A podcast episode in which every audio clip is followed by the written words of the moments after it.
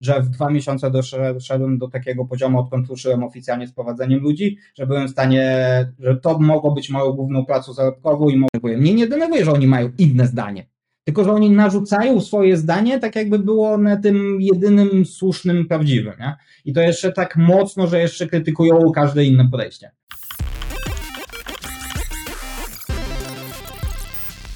Cześć Marek, dzięki za przyjęcie zaproszenia i witaj w sobotę. Tak na rozluźnienie mam do Ciebie pytanko, bo wiem, że za dużo y, książek takich coachingowych nie czytasz, bo nie lubisz, ale czytasz mangę, więc powiedz, co teraz czytasz.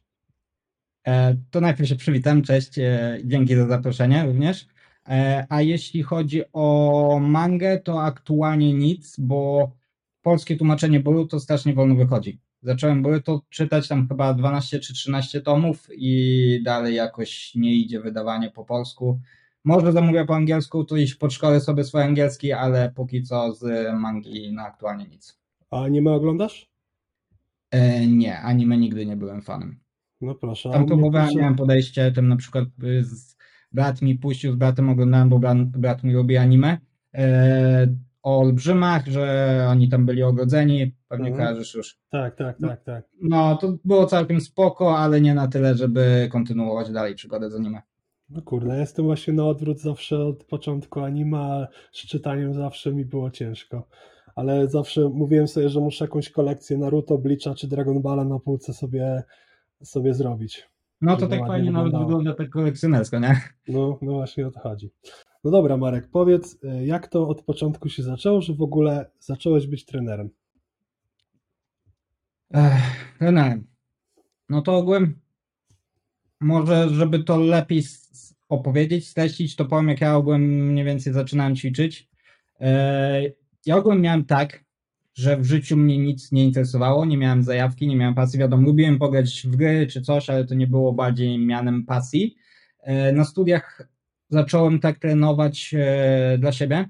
Mi to się wkręciło, te wchodzenie wiedzę o treningu, o zżywieniu, zwłaszcza z naciskiem na żywienie, bo to mnie bardziej ja zaczęło interesować, więc zacząłem się w tym rozwijać, to mnie zaczęło interesować.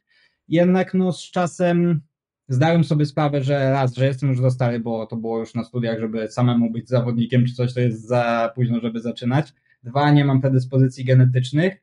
Trzy, nie mam, że tak powiem, duszy sportowca. Nie mam takiej chęci rywalizacji, stawania się coraz e, najlepszym jako sportowiec, a bardziej zdobywanie wiedzy. Więc no jak to przełożyć na e, naukę innych? Poza tym też dużo siedziałem na grupkach, tam dyskutowałem, więc e, to mnie utrwaliło w przekonaniu, że chęć, pomoc, pomoc innym, przekazywanie wiedzy innym bardziej mi sprawia przyjemność niż kształtowanie mojej sylwetki i nakładanie mojej wiedzy na siebie. Więc tak z czasem się właśnie z takiej bezinteresownej pomocy na grupkach zrodziło się to, że zacząłem prowadzić to e, moją dziewczynę, teraz już żonę, to jakiegoś przyjaciela, e, to e, kogoś o takiego z rodziny. Później wiadomo, pierwsi klienci, tak się dość szybko potoczyło. Ale doświadczenia na, na treningach personalnych chyba nie masz, z tego co wiem, nie? Nie, jak zaczynałem właśnie z moją teraz żoną, to szybko zdałem sobie sprawę, że jest tak, jak myślałem, że ja się nie nadaję do treningów personalnych na żywo. Mhm. To zupełnie nie dla mnie, ale myślę, że mi to dobrze bardzo wyszło, że w dzisiejszych czasach te trenerzy online dużo lepiej się rozwijają, mają dużo, dużo więcej perspektyw niż tacy trenerzy na żywo na siłowni. Wiadomo, oni też są potrzebni, ale treningi online, jeśli mówimy o mojej grupie docelowej klientów, sprawdzają się dużo lepiej. No ja też właśnie jestem tego zdania, bo ja akurat w treningach y, parę lat siedziałem i to trochę we mnie tak wytworzyło taką rutynę, że właściwie się nie rozwijałem, bo tyle tych treningów było, że nie było czasu, a zauważyłem właśnie, że nie wiem, ty będąc online i inni tacy trenerzy online strasznie wystrzelili do góry, bo mieli ten czas, chęci i widzieli Y, gdzie tej wiedzy po prostu y, szukać. Ale powiedziałeś o e, grupce na fejsie. Ja osobiście kojarzę Cię i gdzieś tam Cię poznałem pierwszy raz na armii WK. I właśnie zastanawiam się, jak e, tego typu grupy wpłynęły ogólnie na Twój rozwój, pozyskiwanie klientów i ogólnie takie budowanie swojego wizerunku. Jak to widzisz? Ogólnie to też dość zabawne, bo już na armii się nie udzielam to znaczy się udzielam, nawet dzisiaj coś tam skomentowałem, ale to jest bardzo rzadko. E, nie jakoś z zaangażowaniem czy coś, ale i tak dużo ludzi mnie kojarzy właśnie jako stałego bywalca armii. Nawet wczoraj podbił do mnie trener, który jest na moim CityFicie i właśnie, że mnie pytał, czemu już tam się nie udzielam, że mu brakuje moich komentarzy tam. Mhm. E, armia ogółem mi dała, czekaj, żeby wrócić do pytania, możesz powtórzyć, bo nie chcę odbiec w drugą stronę za bardzo. Jak postrzegasz taką bo wiesz, teraz powiedziałeś, że już aż tak nie siedzisz na grupach, ale kiedyś było tego więcej. Więc jak te grupy albo Twoja działalność na nich się przyczyniła ogólnie do Twojego rozwijania się w tym biznesie online? E, bardzo. Nie ukrywam, że kluczem takim czynnikiem składowym, wiadomo, mógłbym znaleźć się tu, gdzie jestem, albo nawet wyżej, jakby to tego nie było, ale to, co uważam, że czynnik składowy, który mi pomógł w rozwoju, właśnie jest to, że byłem tak mocno kojarzony z armią WK, która nie oszukujmy się, jest największą społecznością e, taką fitness, że tak powiem, w Polsce. E, dało mi takiego dużego kopa na samym początku, ale to było, ja nie wykorzystywałem tego w celu marketingowym, tylko ja realnie chciałem tam się udzielać, bo sama armia WK, ja nie wiem od kiedy ty tam e, jesteś, jak długo i czy pamiętasz stare czasy, bo teraz to właśnie tak jak mówię, ja już się tam tak nie udzielam raz z tego, że nie mam, z tego powodu, że nie mam czasu, dwa, że armia teraz to już nie jest armia kiedyś. Nadal no jest tak, spoko, ale to już nie jest to, co kiedyś. Kiedyś, ja jak zaczynałem, właśnie tak jak wcześniej wspomniałem, zaczynałem trenować dla siebie na studiach i przed poważnymi treningami to moje życie na studiach się opierało tak, że na zmianę chlanie i na kacu granie w Lola. I to było całe moje życie. Więc jak zacząłem trenować, wiadomo, ten alkohol nadal piłem, ale w dużo mniejszych ilościach, bardziej e, opierałem no, swoje życie na innych czynnościach. Więc i ci znajomi się, jak się okazało, to byli tacy znajomi bardziej od kieliszka niż prawdziwi znajomi, więc zacząłem tracić bardzo dużo znajomości. A jednak człowiek to jest e, zwierzę stadne, że tak to powiem, nie wiem, może brzydko, może nie, mhm. E, i potrzebuję życia w jakiejś społeczności. Mi ta armia da, dała tu właśnie taką społeczność, że czułem przynależność do jakiejś grupy, więc samo, sam fakt istnienia armii mi dał, że ja zostałem w tej pasji, która później się przerodziła w pasję. E, dwa, że ja bardzo dużo dyskutowałem i właśnie dlatego teraz się zbytnio, nawet ja nie mam Facebooka na telefonie, mam tylko Messenger do kontaktu z klientami i ze swoimi bliskimi. Facebooka nie mam, bo ja jestem E, podatny na wchodzenie w bezsensowne dyskusje. Ja widzę coś głupiego ja i ja wchodzę w dyskusję i zamiast się zebrać na trening, na przykład gdzie już się zbieram, to odpiszę na komentarz, tego komentarza robi się dyskusja na godzinę czasu. I dlatego właśnie nie mam, bo to bez sensu, ale ludzie mnie kojarzyli. Kojarzyli z tego, że ja mam własne zdanie. Dużo osób pisało właśnie, mówiło mi, pisało, czy tak jak ten e, właśnie, co powiedziałem, że wczoraj ten trener z e, mojej siłowni właśnie tak mówił, że tęskni za moimi komentarzami bo dużo osób mówiło, dużo osób nie lubiło moich komentarzy, mówiło zbanujcie go, zbanujcie, zbanujcie go w końcu, ale dużo osób mówiło właśnie przeciwnie, że jest w armii tylko dla moich komentarzy, bo mam dość specyficzne poczucie humoru, dość specyficzne podejście, ale też z drugiej strony ja dużo kom komentowałem merytorycznie, wchodziłem w dyskusję, przedstawiałem swoje zdanie w może dość specyficzny sposób, ale jednak merytoryczny i rzeczowy. I dużo ludzi właśnie mnie dla mnie kojarzyło z tego i dlatego jak ruszyłem jako trener, e, stało się do tego ja też e, Swego czasu to też dość ważne, byłem moderatorem, a nawet y, krótko administratorem na MIWK i tam mieliśmy taką facebookową grupkę konwersacja administratorów, moderatorów mhm. i ktoś, kto był jeszcze nade mną, e, Patryk Bederek, pozdrawiam, jeśli to jakimś cudem słucha, e, miał dość dużą nadwagę, jeśli nie okapiającą już otyłość i ja go prowadziłem za darmo. To był chyba mój jeden taki pierwszy klient na równi z moją Magdą. I zrobiliśmy zajebistą formę, to też mi dużo dało.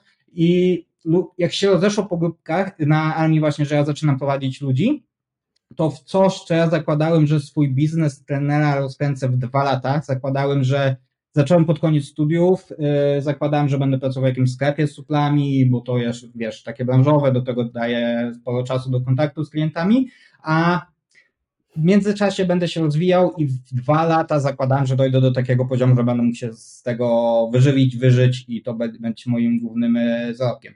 Armia WK dała mi takiego kopa, że tak się ludzie do mnie zgłaszali, bo mnie, bo mnie tam kojarzyli, widzieli, że jestem dobrym trenerem, mimo że dopiero zaczynam, że w dwa miesiące doszedłem do takiego poziomu, odkąd ruszyłem oficjalnie z prowadzeniem ludzi, że byłem w stanie, że to mogło być moją główną pracą zarobkową i mogłem żyć e, na takim poziomie i to nie tak, że musiałem sobie odejmować z ganka oszczędzać czy coś, nie? No Więc nie ukrywam, armia dała mi dużo.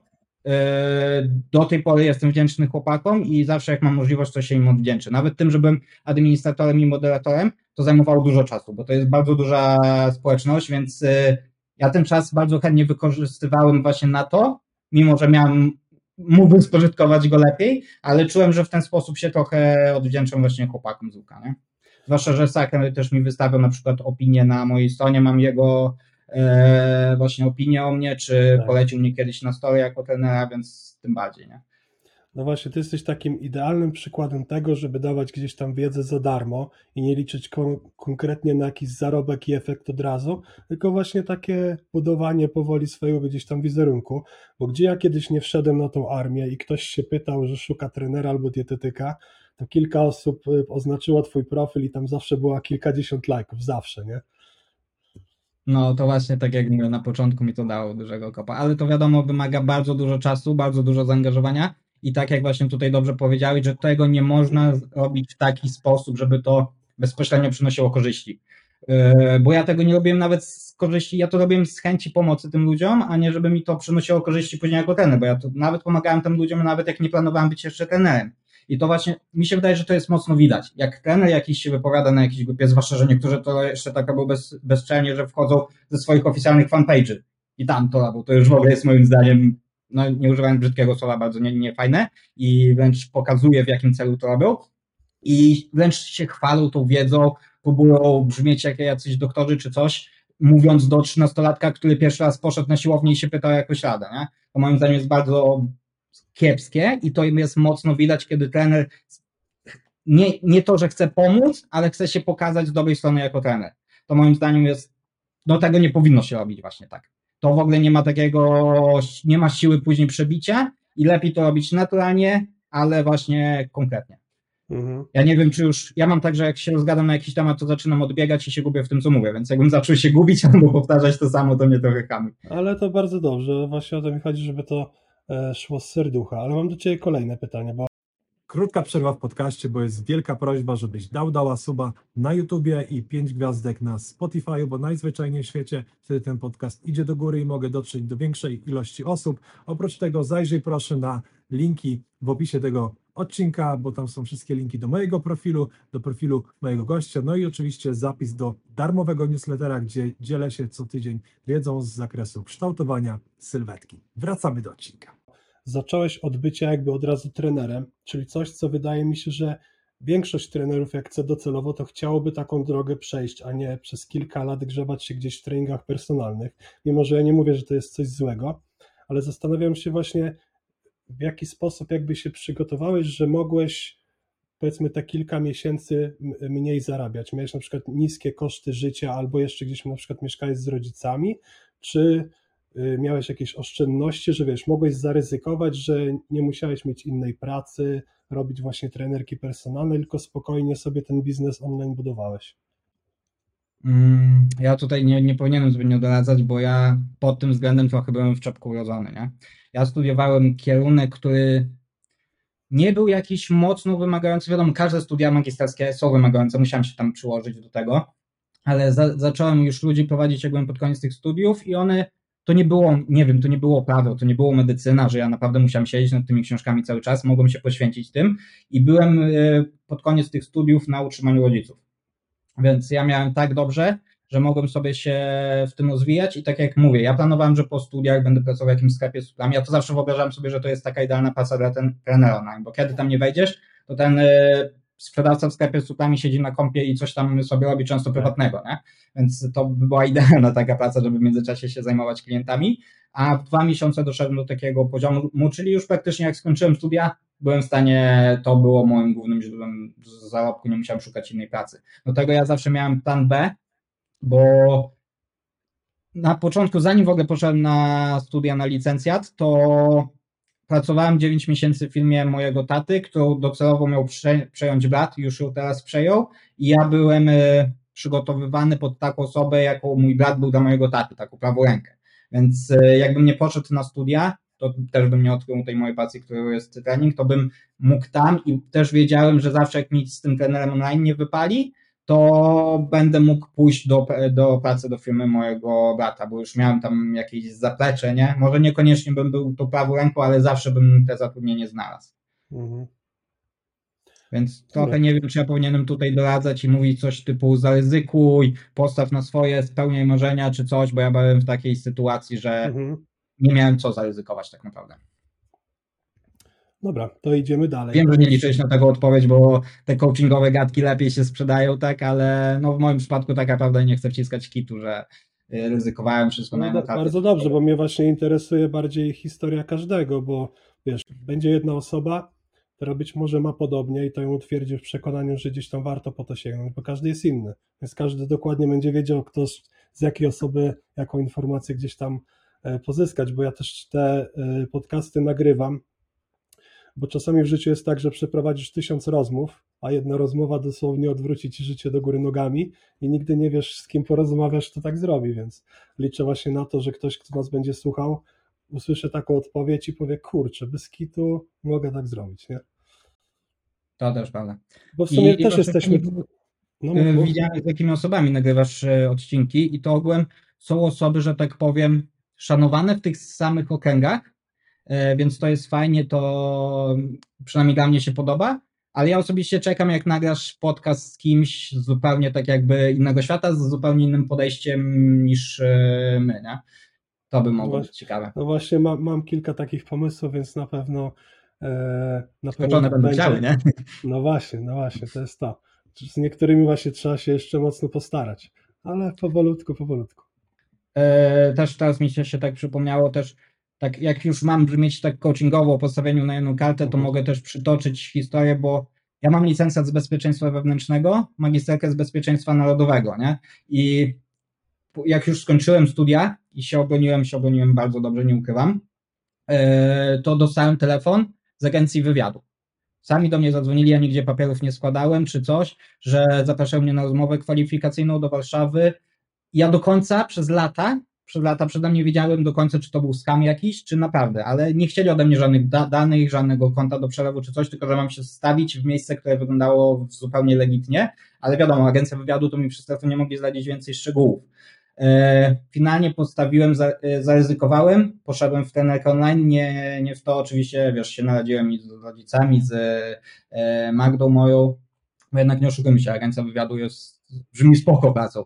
E, Niedawno się dowiedziałem, że to nie był skam, bo oprócz mnie jeszcze jedna dziewczyna z nasz- mojego roku dostała taki telefon i ona tam pojechała. Finalnie nie dostała tej pracy, ale pojechała. Nie? Więc no, trochę tak jest coachingowo, że zamiast wybrać pewnej, bardzo, może nie pewnej, bo to była tylko rozmowa, ale nawet na nią nie pojechałem, ale zamiast wybrać takiej bardzo spoko, fajnej, ciekawej pracy, jednak post- postawiłem na swoje i mając ten plan B, który by powodował, że ten mój plan B, praca w firmie mojego brata by była zupełnie czymś, co mnie nie, nie kręci. To by było takie, że Mhm. wiesz, idziesz na 8 godzin do pracy, odbębnić to, żeby tylko wrócić do domu. No tak, gdzieś tam rodzinny interes po prostu przedłużyć, bo powiedzmy tak No. wypada. Dobra, ale teraz studiujesz y, coś innego, mimo że jesteś już starszy i trochę lat minęło od tamtych y, czasów magisterki. Powiedz co i dlaczego. E. E, przede wszystkim wkurza mnie to, z kilku powodów studiuję, też, e, e, ale to może tak właśnie po kolei. Wkurza mnie przede wszystkim to, że oficjalnie, oficjalnie mogę się nazwać dietetykiem, bo to nie jest uregulowane. Dietetykiem może się nazywać pani z warzywniaka sobie nawet, nie? E, bo sprzedaje warzywa i tyle ma wspólnego z e, dietetyką. E, ale ja powiedziałem sobie, że nigdy nie nazwę się dietetykiem, bo za dietetyków uważam ludzi po studiach, którzy mają w tym e, wykształcenie. I wkurza mnie, że ja po takich dietetykach, których ja nawet nazywam dietetykami, według mojej definicji prywatnej są dietetykami, bo e, mają nawet e, tytuły magistrów, a nie sam licencjat.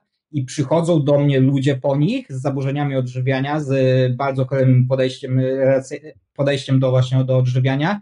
E, Ich diety często są mocno niedoborowe, najczęściej niepraktyczne. Nie wiem, czy zauważyłeś taką zależność, ale diety od trenerów, jak przychodzą od trenerów, są często mocno niedoborowe, ale są praktyczne. Natomiast od dietetyków są często ładnie skomponowane, tam ładnie, kolorowe, wszystko się zgadza, ale są mocno niepraktyczne do zastosowania.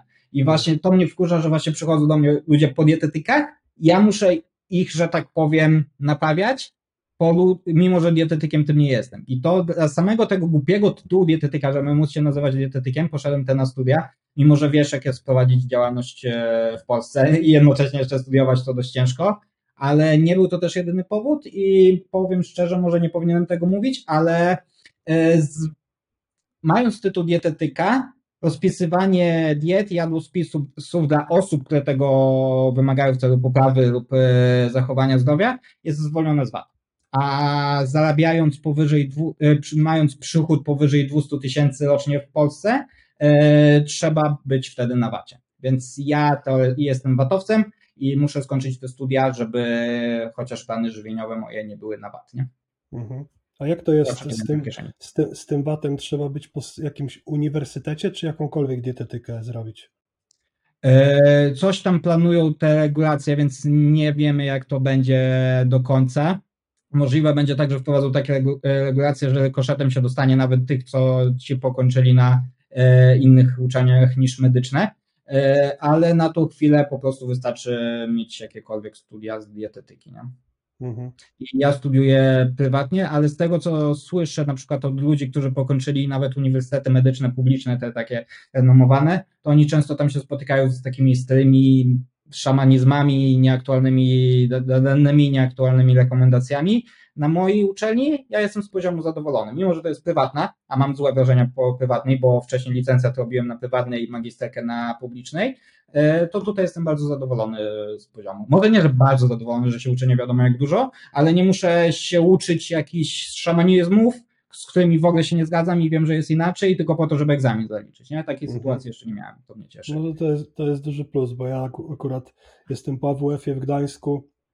Jak musiałem słuchać, y, co tam się wyprawia, to trzeba było po prostu zagryzać zęby, żeby zdać, bo jakbyś wszedł w dyskusję jakąkolwiek, to mogłoby być ciężko. Dokładnie, a wdać się w dyskusję z prowadzącym to często strzał w kolano. No właśnie, no właśnie. I potem wychodzisz z takich studiów i się zastanawiasz, i musisz się trochę uczyć na nowo, bo nie wiadomo, czego się nauczyłeś takiego dobrego, a co może zrobić komuś krzywdę, albo co jest po prostu nieaktualne, nie? A to też właśnie jest przewalone, bo czytasz jakąś książkę, czy słuchasz jakiegoś profesora, czy coś i wydaje się wszystko git, słuchasz, słuchasz albo czytasz, wszystko jest git, nagle jedna lampka czerwona się zapala i nagle no już nie wiesz, czy to wszystko inne, co słyszałeś, to y, też będzie, czy prawdziwe. No, no właśnie. Powiedz Marek, czy miałeś doświadczenie w byciu prowadzonym przez jakiegoś innego trenera? E, miałem, trzy razy nawet. Raz na samym początku, jak tylko, z, e, jak tylko tak za, zacząłem na poważnie chcieć trenować, to byłem u trenera takiego, każdy skojarzy, jak powiem stawkę 150 zł za 3 miesiące. Mhm. E, To już każdy, kto siedzi w branży wie, o kim mówię, pewnie wiesz, nie? Mhm. E, więc tu byłem mocno. To znaczy, na początku byłem zadowolony, bo myślę, też rozumiałem słowo dieta, jak większość osób rozumuje, że to coś, co mam męczyć, a jedynie doprowadzić z punktu A do punktu B. Nie? Ja chodziłem wtedy jak zombie. E, miałem e, ile na początku studiów, to ile się ma lat, jak dobrze liczę, tak z koło 20, nie? Tak, coś takiego, no. No to sobie wyobraź młody, aktywny, e, wysportowany w miarę chłopak w wieku 20 lat, który uprawiając seks nie może się spuścić, nie? Tak, nie dieta przez 3 miesiące, tylko przez 3 miesiące trzymania jej diety mnie do takiego stanu doprowadziła, więc to pokazuje ewidentnie, jak to złe było, ale byłem zadowolony, bo schudnąć schudłem, nie? Później działałem sam, bo trafiłem na grupę właśnie Armię WK, więc zdobywałem swoją wiedzę, zdobyłem taką świniomasę, z której też nie jestem zadowolony, ale się uczyłem dużo na swoich błędach. E, I jak zacząłem redukcję, redukcja nie szła mi po mojej myśli samodzielnie. Chudłem, chudnąć chudłem, ale nie byłem zadowolony z tej mojej sylwetki, ale to też dlatego, że moja masa TSA była beznadziejna. To pomógł mi ją dokończyć e, Piotr Witowicz, którego pozdrawiam. On też dopiero wtedy zaczynał, też zajebiście się rozwinął jako trener, więc fajnie, fajnie tutaj I też był go. uczestnikiem grupy, nie? E, tak, właśnie. I na, na, na grupie ogółem go poznałem, więc z jego usługi byłem jak najbardziej zadowolony. Tam chyba dwa czy trzy miesiące razem e, działaliśmy, aby dokończyć tą redukcję. I później, ale tu już e, później, później, na dwa miesiące e, w 2018 zrobiłem taką redukcję, że tak powiem, życia, zszedłem wtedy najniżej z poziomu tkanki tłuszczowej. E, to wiesz, jak to wtedy się zapala, od razu ambicje i włączył mi się tryb, że jednak chcę startować w sportach sylwetkowych, nie? Więc wtedy co? Potrzebuję trenera. No to zgłosiłem, wybrałem się, uważam, że wybrałem do, dobrze. E, zgłosiłem się do trenera, ale wiesz, dwa miesiące po redukcji, którą przeprowadziłem sam, u niego byłem te dwa pierwsze mas, e, miesiące masy, podjadłem trochę i uznałem, że to jednak nie dla mnie, więc i z trenera zrezygnowałem. Mhm. A jak Czyli oceniasz? mówiąc, tak tu jakby podliczyć, wychodzi jakieś 5 czy 7, 7-8 miesięcy mojego ponad 7-letniego stażu przepracowałem z jakimś trenerem. A jak przy, przy takim stażu jak teraz i z perspektywy czasu, uważasz, że tak, tak pod kątem takiego PR-u, marketingu, y, trener, który ma trenera, to dobre wyjście? Czy jest to takie obojętne? Mówię o takich statystycznych, y, powiedzmy, klientach, jak oni to postrzegają, bo ja widzę, że czasami się ludzie dziwią, że ja mam trenera, ale jak im tłumaczę, że to jest kwestia zawodów, że ja nie chcę mieć tego na głowie, bo jak rozpisuję sobie plan, to wariuję, za dużo sobie dam albo za mało i tak dalej, to już to zaczynają rozumieć. Ale jak ty to widzisz? E, Znaczy, no, z, tak jak mówisz, to zależy w, jakich, w jaki target, e, w jaką niszę, że tak powiem, swoją celujesz klientów, bo e, ludzie, którzy siedzą w tym, już wiedzą. Nawet dzisiaj pisałem to dla swojego podopiecznego, który zrobił zajebistą redukcję. E, poziom tkanki tłuszczowej, on trenuje w ogóle w domu, ale e, mogę się założyć, że jakby on poszedł na siłownię taką publiczną, to pewnie wiesz, jak robisz redukcję, to widzisz, jak młodziki na ciebie tak ukradkiem patrzą, podziwiają, że tak powiem, twoją formę. Ja jestem pewien, że on jakby poszedł, to właśnie tak by się zadziało. E, I mu to wprost e, na- napisałem i właśnie on mówił, że właśnie podziękował mi za te słowa, bo mówił, że to podbudowujące, bo on był na takim etapie redukcji, że nigdy nie wiesz, kiedy skończyć, że tak powiem. Sam, sam zresztą byłeś Tak, na redukcji, tak, więc tak, zawsze tak. chciałbyś docząć jeszcze, jeszcze bardziej. I Mhm. właśnie mu mówiłem, że właśnie dlatego dużo trenerów ma swoich trenerów, bo jeśli mają ambicje sylwetkowe, to na siebie się nie da spojrzeć obiektywnie, bo to nie jest jak, e, nie wiem, e, biegi na 100 metrów, gdzie masz po prostu wprost swój wynik i możesz na to spojrzeć sam. To nie jest, nie wiem, e, trójbój, gdzie masz e, kilogramy na sztandze i możesz spojrzeć sam na, na wynik. Na, w sportach sylwetkowych nie spojrzysz na siebie obiektywnie. Tu potrzebna druga osoba jest, to raz, a dwa, że każdy, ludzie to właśnie, i to też trochę się łączy, bo temu, że nie spojrzysz na, na wyniki obiektyw, obiektywnie, do tego ludzie są niecierpliwi z natury, więc y, włącza się kombinowanie. I ja jestem pewien, że jakbym współpracował z trenerem, ja aktualnie bym wyglądał z dwa razy lepiej yy, i to mówię z czystym sumieniem, jestem yy, w stanie tego zatwierdzić, tylko że, bo bym nie kombinował. Ja non stop u siebie kombinuję, bardzo często. Mówię, Marek, już od teraz nie kombinujesz, cztery tygodnie mijają, ja już zmiana w planie treningowym, nie? To jest takie moje przekleństwo, ale z drugiej strony dzięki temu się rozwijam tak dobrze jako trener, myślę. A to jest jednak moim celem, więc sobie też, albo sobie tak się usprawiedliwia moje kombinowanie, albo na, naprawdę to przynosi takie korzyści, bo ja bardzo dużo rzeczy sprawdzam na sobie w praktyce. To nie jest tak, że y, czytam badanie, y, jest jakieś badanie, tak y, wyszło w tym badaniu, to ja nagle jeb wszystkim podopiecznym y, tak wrzucam, albo y, że jak wielu trenerów, którzy mają swoich trenerów, tak robią, że im trener coś tu spisał, nie wiem, jakieś ćwiczenie, jakąś metodę treningową typu, nie wiem, caster set czy coś takiego i oni nagle wszyst- e, bezmyślnie wszystkim podopiecznym, nie? Ja, ja wszystko muszę przetestować na sobie i na swoich podopiecznych e, robię to, co wiem, że działa i pod względem teorii, i pod względem praktyki, a często jak coś potrzebuję sprawdzić na większej gru- grupie, że tak powiem, badanych, zrobić takie samodzielne badanie, że tak powiem, to mam kilku podopiecznych, z którymi działam już tak długo i on, ja ogólnie mam tak, że jak zwiększam stawki, bo stopniowo zwiększam co jakiś czas e, za prowadzenie, to tylko nowym klientom. Więc mam kilku, e, kilku klientów, którzy mi płacą, że tak powiem, bardzo nisko w porównaniu do obecnych stawek i wprost e, pytam, że analizuję od jakiegoś czasu pewien aspekt i chciałbym go przetestować na kilku osobach, ale tak jak mówię, nie mam pewności, czy on się, się sprawdzi, ale myślę, że w Twoim przypadku mógłby się sprawdzić, czy, czy zgadzasz się, nie? Tak pytam o zgodę, żeby wiedział, że będzie moim takim królikiem doświadczalnym, więc e, takie właśnie kombinowanie czasem może przynieść korzyści, jeśli się jest trenerem, ale nie jeśli się jest zawodnikiem. Dlatego do, jeśli trener ma ambicje sylwetkowe, zwłaszcza jeśli startuje tak jak ty, to moim zdaniem to jest w pełni normalne i wręcz bym się dziwił, jakby nie miał trenera. Ale z kolei, jeśli e, celujesz w klientach, e, że tak powiem, bardzo początkujących ludzi, ludzi, to oni to nie zrozumieją, bo oni to zrozumieją, że skoro ty masz trenera, to znaczy, że twój trener ma lepszą wiedzę od ciebie i jest w stanie ciebie prowadzić, to dlaczego oni by nie mieli się zgłosić do tego twojego trenera zamiast do ciebie? Oni to tak mogą odbierać, to już może tutaj wpłynąć negatywnie, więc tak jak mówię, to zależy od e, tego, w jakich klientów celujesz, bo osoba bardziej zaawansowana już tego tak nie pomyśli, bo tak naprawdę ja wiem, że zrobiłbym lepszą formę niż robię sam, nawet jakbym się zgłosił do trenera, który ma mniejszą wiedzę ode mnie. Ale po prostu by trzymał bat nad tym, żebym nie kombinował. Mhm. No i pełna zgoda tak naprawdę, mamy takie samo e, zdanie, ale poruszyłeś bardzo fajny temat e, tego, w jaki sposób rozkminiasz badania, czyli to, że sprawdzasz to najpierw na sobie. Więc mam do Ciebie ogólnie pytanie, jakie masz podejście do tego evidence-based medicine w obecnych czasach, bo gdzieś tam i nawet na rynku zagranicznym, y, gdzieś tam ludzie od biomechaniki się kłócą z ludźmi, którzy gdzieś tam siedzą w badaniach. Jak Ty do tego y, ogólnie podchodzisz i czy zdarza Ci się troszkę wariować, gdy widzisz, że jakieś profile, które szanujesz, dają jakąś teorię, gdzie Ty myślałeś, że się robi inaczej, więc czy masz takie negatywne y, uczucia, tak jak niektórzy trenerzy, że w sumie już nie wiedzą, co robić? Czy siadasz do badań, weryfikujesz i tak dalej, i tak dalej?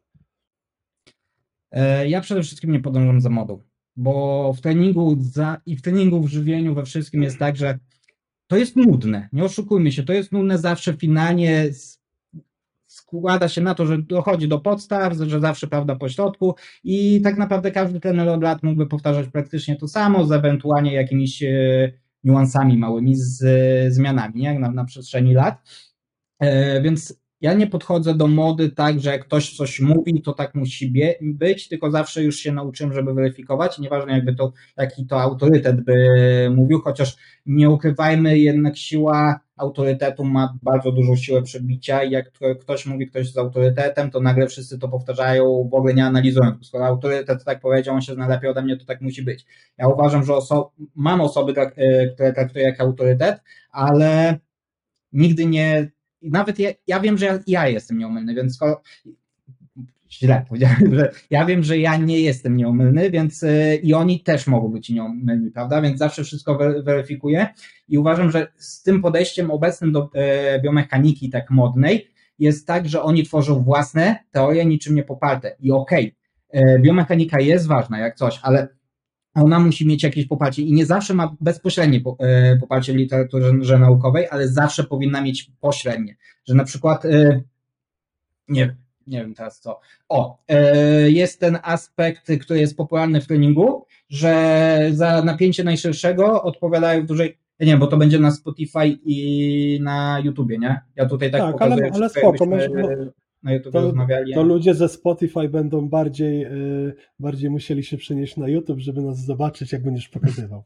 Ale to postaram się też słownie opisać, że mały palec i palec wskazujący najbardziej odpowiada, ich ścisk najbardziej odpowiada za napięcie naj, najszerszego, nie? I to jest tak naprawdę teoria, która ma jakieś tam poparcie pośrednie, ale nie ma bezpośredniego, więc ja na przykład posta, już o tym nie zrobię, bo to nie jest wiedza, której jestem w 100% pewien, jednak jest to też wiedza, którą zdarza mi się narzucić e, jako tip dla podopiecznych albo w swoim treningu, bo wierzę, że ta teoria jest słuszna, nie? To tak samo, może teraz wystrzelę ze skrajnością, e, teoria ewolucji, że ludzie są od małp.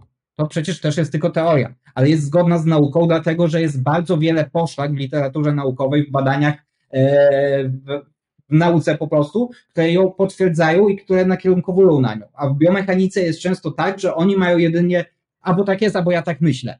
I mamy nawet badania, jak teraz y, z odwodzeniem nóg na maszynie jest.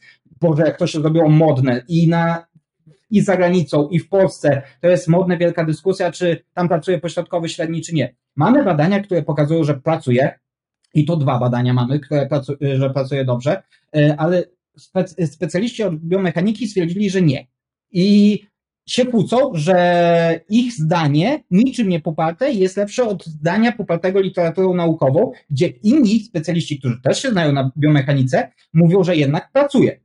Ale tamci nadal się upierają, że nie, bo wyciągnęli jakieś wnioski, które mogą być bardzo, tak. bardzo błędne, mylne, mimo że na pozór mogą być prawdziwe, to o biomechanice wiemy do tej pory tak na mało. Oni, mało. Oni wyciągają jakieś wnioski, nie wiem, z dupy sobie biorą, bo ja tak myślę, więc tak musi być. I nawet najgorsze właśnie, że oni nie biorą pod uwagę tego, że to jest tylko teoria i może być mylna. Tak jak każda teoria. Teoria ewolucji też może się okazać mylna za ileś tam lat, prawda? Chociaż e, Teraz może zabrzmiałem jak jakiś foliarz czy coś. E, Ja, ja w teorię ewolucji wierzę, żeby nie było, ale może się okazać, że jest mylna. No, tak jak każda teoria tak może się okazać mylna, prawda? Mhm. Więc nie można tak być, że moje zdanie jest lepsze, mimo że niczym nie poparte, a twoje zdanie poparte literaturą naukową jest y, mylne, bo tak, nie? Mhm. To jest trochę tak, jak oni by tak wierzyli w swoją znajomość anatomii, że to jest niemożliwe, że są w błędzie. Dokład, o, do, dokładnie właśnie o to chodzi. I to, I to najbardziej, i to jedynie mnie denerwuje. Mnie nie denerwuje, że oni mają inne zdanie, tylko że oni narzucają swoje zdanie, tak jakby było one tym jedynym słusznym, prawdziwym, nie? Mhm. I to jeszcze tak mocno, że jeszcze krytykują każde inne podejście. No właśnie, a jak myślisz w ogóle, y, czy jest w ogóle adekwatne takie gadanie w stosunku do większości targetu trenerów? Bo ja mam wrażenie, że czasami tak specjalistyczna wiedza naprawdę jest ukierunkowana do ludzi, którzy mają ogromne fundamenty sylwetkowe, siłowe i wtedy te szczegóły i bawienie się w takie szczegóły mają ogromne znaczenie. Ale co jest z takim typowym klientem takiego trenera online, gdzie zdecydowana większość, moim zdaniem, to są jednak bardziej kowalscy i średnio zaawansowani niż tacy mega, mega zaawansowani zawodnicy.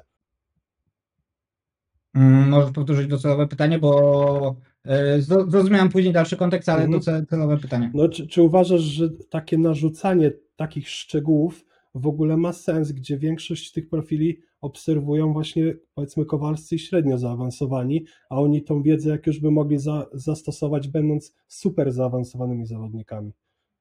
E, Nie no, że ma sens, to jak najbardziej uważam, bo jednak optymalizacja wszystkiego ma jak najbardziej sens, po to właśnie są takie profile e, jak my, żeby ludzie zoptymalizowali. Jakby to nie miało sensu, to tak naprawdę i ja, i ty, i każdy inny trener e, byśmy mogli mówić, że liczy się tylko deficyt kaloryczny, że jak chcesz odchudzać się, to zamień e, kole na kole zero, wysypiaj się i trzy razy w tygodniu wrzucać posty o tych trzech e, te, tematykach, nie? Tak naprawdę my właśnie jesteśmy po to, żeby optymalizować dla danej osoby coś, więc jak najbardziej uważam, że optymalizacja nawet pod względem szczegółów jest ważna, ale oczywiście tak jak mówisz, żeby traktować ją jako właśnie takie szczegóły, jako nie wiem, dajmy na to te pół procenta do osiąganego wyniku, nie? Zaw- Zawsze te Mhm. podstawy będą e, kluczowe.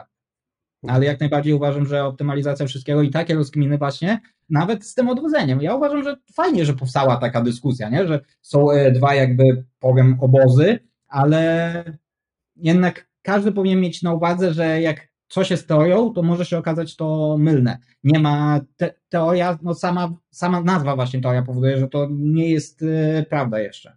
Mhm. Nie jest fakt. Dobrze, a powiedz jaki rodzaj ludzi ty prowadzisz głównie? Eee, jakby ich tutaj określić? Ja często używam określenia zwy, zwykły Kowalski, mimo że one może być trochę obraźliwe, ale no ja nie prowadzę zawodników. Ja chcę jak najbardziej się trzymać z dala od sportów sylwetkowych. Eee, mimo że we wrześniu wystawiam jednego chłopaka, ale to dlatego, że ja go prowadzę od 2018 i praktycznie od zera, a to jest jego takie marzenie, bo też chce się zająć innymi sprawami w swoim życiu, więc chcę tak swoją przygodę z mocnym naciskiem na sylwetkę domknąć jakimiś zawodami, więc nawet się nie, nie, nie to, że się nastawiamy na jakieś tam e, wygraną czy coś, więc bardziej spełniamy jego marzenia, ale tak to ze sportami sportów sylwetkowych nie chcę mieć nic wspólnego. I bardziej prowadzę ludzi, którzy e, mają własne firmy, pracują w korporacjach, którzy mają takie przypadki, gdzie czas dość specyficzne, że wymaga mocno indy, indywidualnego podejścia, e, a nie, a nie takiej, że tak powiem, masówki, albo Mhm. takiego podejścia mocno skupiającego się na szczegółach, bo mają wszystko wyuczone. To, moi ludzie to są z reguły albo skrajnie początkujący, albo początkujący, albo średnio zaawansowani, jeśli chodzi o wiedzę, umiejętność trenowania i cały ten po prostu świat fitness, nie? Ale przeważnie są to właśnie ludzie za- zapracowani, ludzie, których poprawa, że tak powiem, świadomości żywieniowej, e, sylwetki, to jest, e, można powiedzieć, e, inwestycja w siebie, bo no nie oszukujmy się, załóżmy, wiesz sam ze swojej pracy, z pracy swoich podopiecznych, jak prawidłowe odżywianie, jak aktywność fizyczna podno- podnosi produktywność, nie? Weźmy nie wiem, tak statystyka trochę z dupy, prawdopodobnie jakby wyliczyć średnią by była większa, ale weźmy, że podniesie produktywność o 10% i przeliczmy to jeden do jednego na liczby. To jak e, u mnie miesiąc współpracy rozszerzonej kosztuje 600 zł, więc załóżmy, że ktoś zarabia 6 tysięcy, to dzięki tej boostowi produktywności o 10% zacznie zarabiać 660, to mu się zwróci. Współpraca potrwa 10, e, 3 miesiące, więc 3 miesiące tak jakby wyjdzie na zero, a później dzięki tym, co się nauczył u mnie, będzie miał dodatkowo 600 zł miesięcznie w kieszeni więcej, nie? Więc y, dużo osób traktuje to właśnie jako taką inwestycję, bo ja też nie podchodzę na zasadzie, że daję rozpiskę, masz się tego trzymać, nic nie pytaj, y, y, wyjebane mamy w ciebie, tylko się tego po prostu trzymaj. Tylko ja staram się sam tłumaczyć wszystko, wiadomo, też nie tak szczegółowo, żeby robić z niego jakiegoś trenera, bo mu to nie jest potrzebne, żeby w szczegóły wchodzić, ale te, te aspekty, które mu pomogą później w dalszym życiu, żeby um, umiał przytrzymać. Ja nie miałem przypadku, że ktoś się do, na przykład do mnie zgłosił po kilku miesiącach z efektem jojo. Staram się właśnie tak, żeby te nawyki w nich e, zostały, bo staram się dobrać zarówno żywienie, trening, jak i całą tą otoczkę do ich trybu życia. Nie jest wszystko idealnie, nie jest wszystko idealnie, ale mo, moje życie też nie jest idealne. Typu przykład, e, dzisiaj dostałem pytanie, wrzuciłem bo na Instastory, jak ktoś nie kojarzy, wrzucam ciągle swoje posiłki. Każdy swój posiłek od bodajże 2018 wrzucam na Instastory, żeby pokazać ludziom, że dieta nie musi być taka wymyślna, że jakiś fit ciasta jednoporcjowe czy coś. U mnie często się powtarzają kanapki, a lubię jak na kanapkach jest wędlina, ale to jednak jest e, przetworzone mięso, które wiadomo, że się powinno ograniczać. Nie jest to idealne, ale to jest coś, co liczy się całokształt mojej diety, więc taki jeden minus, który nie jest idealny, ale wpasowuje się w moje preferencje, pomaga mi utrzymać to, że cały całokształt jest bardzo na plus, prawda? Więc tutaj też właśnie ja dobieram wszystkie tak szczegóły, starałem się wypracować takie kompromisy między idealnym podejściem a trybem życia mojego podopiecznego, że on w stanie to utrzymać długoterminowo. I temu się rozwija właśnie ich produktywność, postrzeganie ich sylwetki, ich pewność siebie, i bardziej w takich ludzi właśnie celuję. Już się trochę zaczynam gubić w tym, co mówię, więc może nie, bardzo dobrze. Nie, nie zgubiłeś się, odpowiedziałeś tak, tak, jak, tak jakbym chciał. Ale no, powiedz mi. Chciałem będzie takie mocno maślane o jednym zacząłem mówić nie, i zgubiłem główny wątek. Nie, naprawdę fajnie, ale powiedz mi, jak słucha nas tutaj taki początkujący trener i ma taką rozkminę, w którą stronę pójść, to Twoim zdaniem trenerzy powinni się jednak specjalizować, powiedzmy, w, na przykład w takich osobach jak Ty, czy jednak być od wszystkiego i po trochu czerpać i przyjmować, powiedzmy, każdy rodzaj ludzi. Lepiej być lepszym, powiedzmy, w takich właśnie zwykłych osobach jak Ty masz, czy ja, czy trochę gorzej, ale znać się na wszystkim wokół. Mm, ja bardzo dużo w swoim życiu wyciągnąłem od y, mojego taty ogółem ja tego nigdy nie doceniałem, ale jak sam zacząłem prowadzić działalność, zdałem sobie sprawę, jak to jest niesamowicie inteligentny facet i inteligentny życiowo, że tak powiem. E, I on często mi powtarzał, że jak ktoś albo coś jest od wszystkiego, to tak naprawdę jest do niczego. Ja też tej zasady staram się trzymać i ja to też e, widzę po innych trenerach. Ja nie zliczę, jak do mnie mnie to męczy, bo nie zliczę, jak często jakiś początkujący trener do mnie pisze typu Marek e, zgłosiła się do mnie osoba z insulinoopornością, ile posiłków jej dziennie dać? Marek zgłosiła się do mnie osoba z insulinoopornością. Sprawdzisz, yy, co myślisz, yy, czy dieta wysokowęglowodanowa, czy ketoza będzie lepsza. Jakieś takie skrajne rzeczy, które on powinien wiedzieć, wiesz, nie chodzi o jakąś pierdołę, typu co sądzę o zastosowaniu inozytorów yy, PCOS na przykład, prawda? Czy, czy jakoś taką mały szczególik, tylko oni o mnie o skrajne podstawy, taki ogólny ten pytają i mi aż w głowie aż kusi po prostu nagrać im głosówkę, że po chuj brałeś kurwa debilu klienta, jak nie, nie, wiesz, nie wiesz, co masz z nim zrobić, nie? Dla mnie to jest bez sensu, tylko że właśnie młodzi trenerzy często tak biorą, że oni się jarają, że się zgłosił do nich jakiś klient i biorą go, jak nie są sobie w stanie z nim poradzić. A ja od samego początku wychodziłem z założenia, że lepiej mieć tego jednego klienta mniej, niż y, mieć jakiegoś klienta i wyrobić sobie na nim złą renomę, bo się nie poradziło, albo coś. Poza tym też nie oszukujmy się, jak y, wiesz, prowadząc ludzi, sam wiesz, prowadząc ludzi masz też inne projekty, czasu tego jest mało. A żeby podejść konkretnie do jakiegoś klienta, ja na przykład nie tykam ludzi z cukrzycą, bo nigdy nie miałem czasu się do tego porządnie przyjąć. Czy bym sobie poradził? Prawdopodobnie bym sobie poradził, ale nie chcę, zawsze odsyłam, bo są, uważam, że są lepsi specjaliści. E, bo wejście w to wymagałoby bardzo dużo czasu, które mogę go, ten, ten czas dużo lepiej spożytkować, niż mieć korzyści z tego jednego klienta. A jak ja go polecę do specjalisty, który się zajmuje w takim przypadku, to on będzie zadowolony, będzie mi wdzięczny. E, ten drugi trener też będzie, no, też pozytywnie na to spojrzy z mojej strony, że odsyłam do niego i każdy będzie zadowolony. Więc e, nie widzę powodu, dlaczego przyjmować przypadki, na których nie znamy się albo nie chcemy się znać.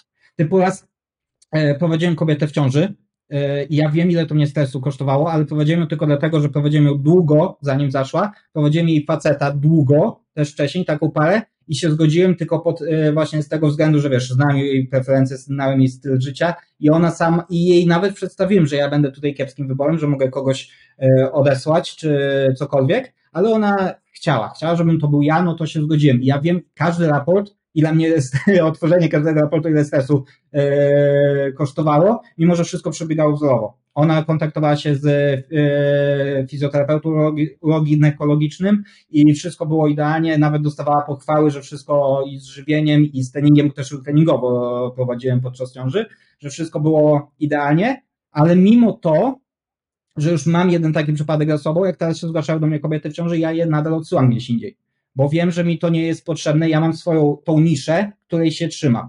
Więc yy, uważam, że każdy powinien obrać albo sobie na początku taką niszę, albo się przym, albo na, albo jej po prostu szukać, przyjmując klientów, szukać się, edukować na płaszczyźnie, które inter, interesuje i na przestrzeni praktyki, czasu swojej pracy po prostu bardziej iść w stronę tej niszy, w której właśnie się odnajduje, nie? Czy to będą zawodnicy sportów sylwetkowych, czy to będzie żywienie innych sportów, czy to będzie jakieś konkretne jednostki chorobowe, czy może ogólnie ktoś chce być dietetykiem klinicznym i w różnych jednostkach chorobowych się zajmować, no to jak najbardziej spoko, albo w psychodietetykę teraz modną, ale każdy powinien mieć tą niszę i uważam, że jakbym ja bardzo szybko nie obrał swojej niszy, to by nie doszło do tego, że teraz, nieskromnie mówiąc, ale powiem, że uważam się i nie tylko ja się uważam e, za ścisłą topkę w swojej niszy. Ale, czy to, ale to też nie znaczy, to od razu stosuję, bo wiem, że jak ktoś tak mówi, to brzmi od razu jak arrogant jakiś.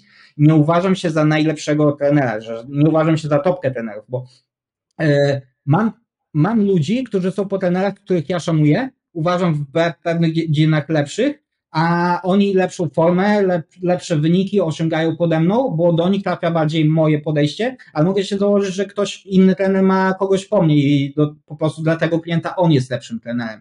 Typu, nie wiem, e, miałeś podcast e, z HM na przykład, nie? Czy jak e, ja w życiu bym nie powiedział, że jestem lepszym trenerem od niego, bo jakby zgłosiła się do mnie dziewczyna, która chce e, kształtować się sylwetkowo albo pod e, wyniki siłowe, no to ja bym podjazdu do niego nie miał. Do, dosłownie bym nie miał podjazdu, aby mnie zjadł, wypluł i cokolwiek jeszcze zrobił. Ale natomiast jeśli chodzi o moją niszę klientów, to on by sobie nie poradził. I nie wiem, pozdrawiam tutaj Dawida Czechowicza. Tak, ja nie wiem, czy jak rzucam nazwiskami to dobrze, ale rzucam tym, tylko tymi, o których chcę dobrze się wypowiedzieć. E, ja z Dawidem często gadam i my mamy tak, e, nie robimy tego jakoś celowo, tylko zdarza się, że do mnie ktoś się zgłosi właśnie z polecenia Dawida, bo Dawid uzna, że ten, tego kogoś ja lepiej poprowadzę. Z kolei ktoś się do mnie zgłasza, kto ma większe ambicje sylwetkowe, to ja odsyłam do Dawida. Raz, że my nie chcemy prowadzić ta, takich ludzi, bo e, to są akurat słowa Dawida. Dawid e, sam mówi, że jakby mój klient na końcówce redukcji napisał, że e, sorry, szef, e, sorry trenerze, że nie wiem, e, miałem ochotę na pizzę z dziewczyną, więc poszliśmy, e, poszliśmy, zjedliśmy, a później wypiliśmy jeszcze po piwie, to Dawid by się wkurzył, że to na końcówce redukcji ktoś tak odwala. A ja bym, a ja wprost bym napisał, że i, i bardzo spoko, że jednak z życia trzeba coś mieć i że bardzo dobrze, że tak zrobiłeś i fajnie, że wrzuciłeś na luz, ale fajnie, że dokonałeś tych lepszych wyborów, typu, że pizzę wziąłeś na przykład z kurczakiem i warzywami, do tego z pieczarkami, tak jak Cię uczyłem, a do tego sos pomidorowy, bo jednak na tym etapie redukcji wzięcie z sosem czosnkowym, z salami, podwójnym serem, czy coś by zaszkodziło bardziej, nie? Więc to, to, że ja się uważam za ścisłą topkę y, w swojej niszy, to nie uważa, że to nie, nie jest to samo, co ja się uważam za ścisłą topkę jako trener, bo tutaj każd... nasza branża nie jest, nie można nas nie, jako trenerów nie można tak porównać jeden do jednego, że to jest trener i to jest tak. trener i to jest trener, bo każdy celuje po prostu w innych ludzi. Znowu mam wrażenie, że się zgadami Nie, idealnie, naprawdę idealnie i bardzo dobrze. Jest tutaj pełna zgoda, bo ja też zauważyłem, że dużo trenerów powiedzmy wywodzi gdzieś tam się ze świata kulturystycznego. I powiedzmy, że u nich takiego fikania nie ma. Jeżeli podjadasz, wypad, nie chce ci się trenować, wypad. Oni celują w klientów, którzy po prostu są jak żołnierze i chcą dowozić wyniki. Ja uważam, że to nic złego, ale to też jest kwestia komunikacji, że żeby ten klient po prostu do takiego ostrego trenera nie szedł, tylko na przykład do ciebie, bo jesteś bardziej empatyczny, podchodzisz bardziej życiowo, wiesz, że można to zrobić trochę miesiąc później, dojść do celu trochę bardziej zdrowym, ale ten, te życie tym, e, w tym łączyć w tym wszystkim. I to też e, jest e, super, tylko właśnie to jest kwestia tego, żeby to dobrze komunikować i tak jak mówisz, tą niszę e, znaleźć. No odpowiedź była e, naprawdę super. Także Ale dokładnie jest tak, fajnie. jak mówisz, i właśnie najgorsze wśród trenerów jest to, że oni często jakby swój, swój marketing targetują często do osób takich początkujących, właśnie do których ja czy ty byśmy się lepiej sprawdzili, bo mamy takie no, luź- luźniejsze podejście. Wiemy, że to dla nich tylko jest dodatek do życia, który ma poprawić ich jakość, a nie, że poświęcić całe życie dla kształtowania sylwetki. A dużo trenerów, którzy wywodzą się właśnie, tak jak to powiedziałeś, z kulturystyki, którzy sami są zawodnikami czy coś, swój marketing prowadzą tak, że dany, odbior, dany klient sądzi, że może się do niego zgłosić, bo będzie to dla niego dobry trener, a później on dla takiego typowego, że tak powiem właśnie, nie lubię tego określenia, ale naprawdę nie wiem jakiego innego użyć, typowego Kowalskiego, e, traktuje z podejściem jakby właśnie to był zawodnik. I za wszelką cenę robienie sylwetki, to jest właśnie bardzo złe moim zdaniem. Ja mam jeszcze taką obserwację teraz, jak sobie rozmawiamy, to ja od początku byłem, powiedzmy, prowadzony przez kulturystów, którzy właśnie u nich fikania nie było. Ja też gdzieś tam przeszedłem jakieś zaburzenia odżywiania przez to, któreś się leczyłem kupę czasu, bo miałem takie podejście, jakie miałem i pamiętam, że jeszcze wiele lat temu też przenosiłem to podejście na swoich klientów. Do mnie przychodziła taki, taka pani Basia, która gdzieś tam miała 40 lat na treningi personalne, ona po prostu chciała troszkę schudnąć, a ja ją tutaj traktowałem, jakby ona miała zawody na następne wakacje, bo tylko takie podejście też znałem. Więc taką moją podpowiedzią jest, żeby wybierając trenera też uważać na takie pułapki psychiczne, bo jakby nie patrzeć, właśnie jest tak, że masz jakiegoś trenera, to i używasz trochę częściej jego ćwiczeń, jego super serii, jego metod, tak trochę mimo woli, bo jednak on jest twoim autorytetem, szanujesz go, uważasz, że tak powinno być, bo skoro ty u niego jesteś, masz wyniki i przeniesiesz to na swoich podopiecznych, to oni też będą mieli wyniki, ale właśnie nie do końca tak jest. Ja to teraz po wielu latach e, wiem i widzę, ale niestety w taką pułapkę się właśnie wpada i w sumie teraz dopiero zdałem sobie sprawę, że tak gdzieś tam było właśnie przez to, co powiedziałeś. Nie? Ale to tak jest, bo z kim otacza, kim się otaczasz, takim się stajesz? Coś takiego jest, Tak, nawet tak, takie tak. przysłowie, nie? To ono właśnie tutaj ma dobre odzwierciedlenia. Jednak nie oszukujmy się, kulturyści często przebywają głównie w swoich towarzystwach i często, nawet nie tylko kulturyści, ogółem myślę, że w każdej dziedzinie ten jest takie często wzajemne mizianie się po jajkach, bo nie, nie chcą dyskutować, nie, nie chcą dojść, dać do głosu osobie, która ma na jakiś temat inne podejście. I to Mhm. też e, tutaj może być właśnie taka dru- druga Tak. pułapka, że warto się otaczać też ludźmi, którzy mają inne podejście. Dlatego, tak jak mówię, no, ja się nie otaczam. My, ja i ty chyba celujemy w, podobnych, w podobną grupę odbiorców, chyba, nie? Mhm. No, No, więc tak spoko, że mamy właśnie, się wymieniamy często zdaniami czy coś, ale ja lubię na przykład podyskutować z właśnie z wspomnianym wcześniej Dawidem Czechowiczem, często dość dyskutujemy, bo on ma zupełnie inne podejście, które Mhm. ja szanuję jego, on szanuje moje, ale jednak wiemy, że to nie ma, nie mają na siebie przełożenia, więc uważam, że w życiu warto otaczać się ludźmi, którzy właśnie mają zupełnie inne podejścia, ale którzy jednak są kumaci w tym swoim innym podejściu, nie? Mhm. No i ta dyskusja jest fajna właśnie. No dokładnie. Y, Założyłeś TikToka jakiś czas temu.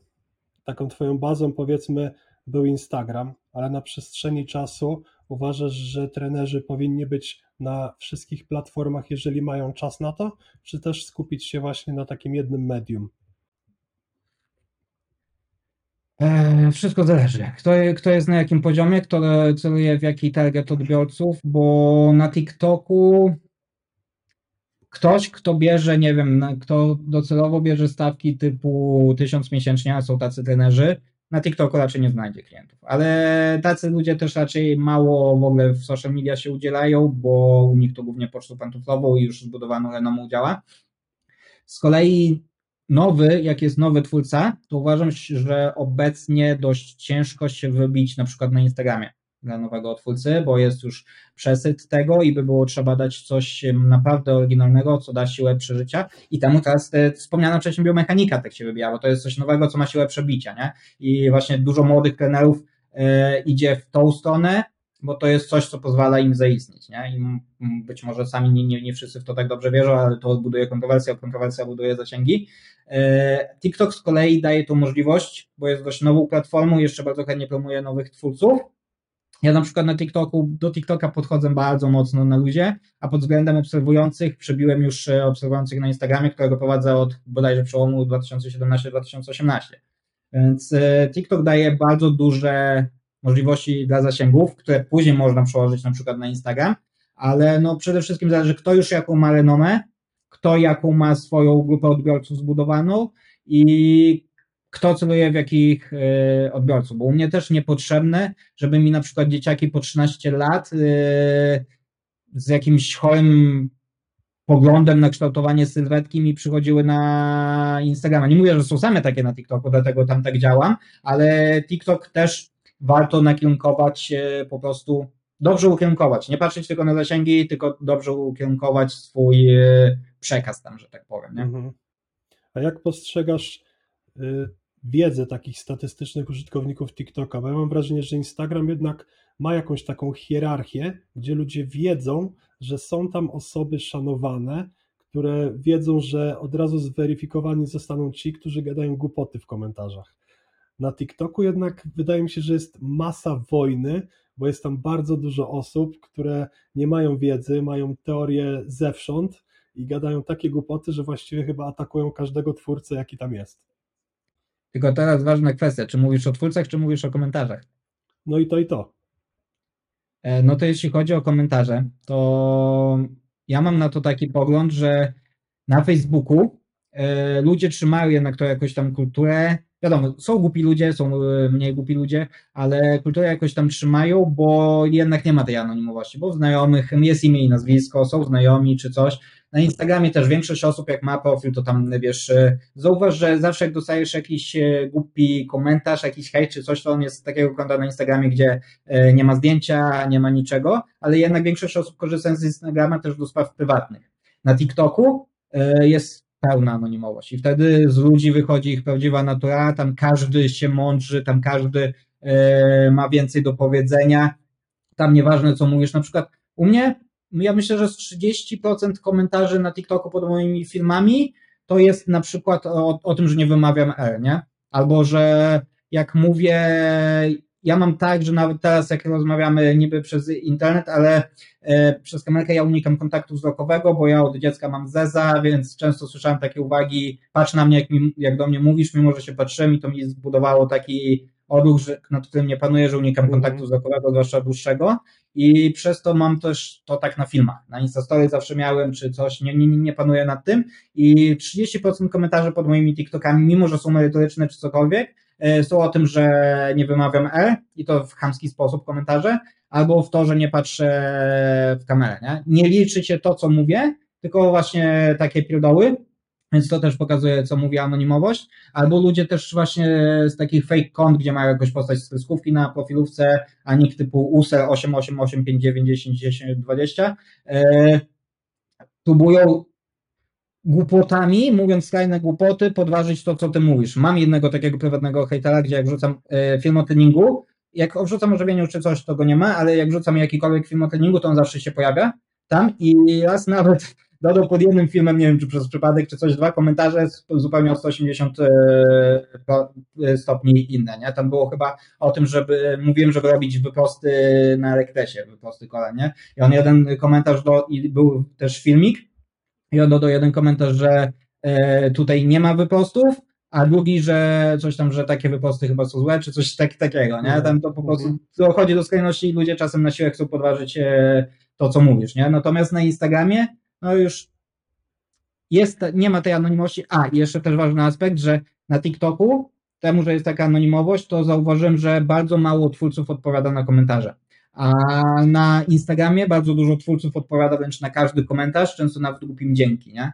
E, Więc tutaj też e, to pewnie te komentarze hamuje, bo nawet raz dostałem komentarz e, na TikToku, na który odpowiedziałem i merytorycznie wyjaśniłem, że mówi głupoty, bo podważał to, co mówiłem. A on tak, taki zdziwiony, że coś tam, e, o sorry, masz rację, ale nie spodziewałem się, że mi odpowiesz. No właśnie, no, no to, to, to właśnie jest TikTok, więc e, no na TikToku poziom jest niższy, dlatego jak ktoś mówi, że jak ktoś celuje w, że tak powiem, bardziej zaawansowanych ludzi, to na TikToku nie znajdzie odbiorców, ale jeśli celuje w osoby bardzo początkujące, chce pokazu się, e, się po prostu pokazać, albo może nawet nie, nie, nie celuje w bycie trenerem, a w bycie influencerem i chce e, po prostu zaistnieć w świecie fit, no to moim zdaniem TikTok aktualnie daje więcej możliwości niż e, Instagram. Mhm. A widzisz teraz pomysł na to, żeby dobrze zmonetyzować TikToka dla swojej działalności?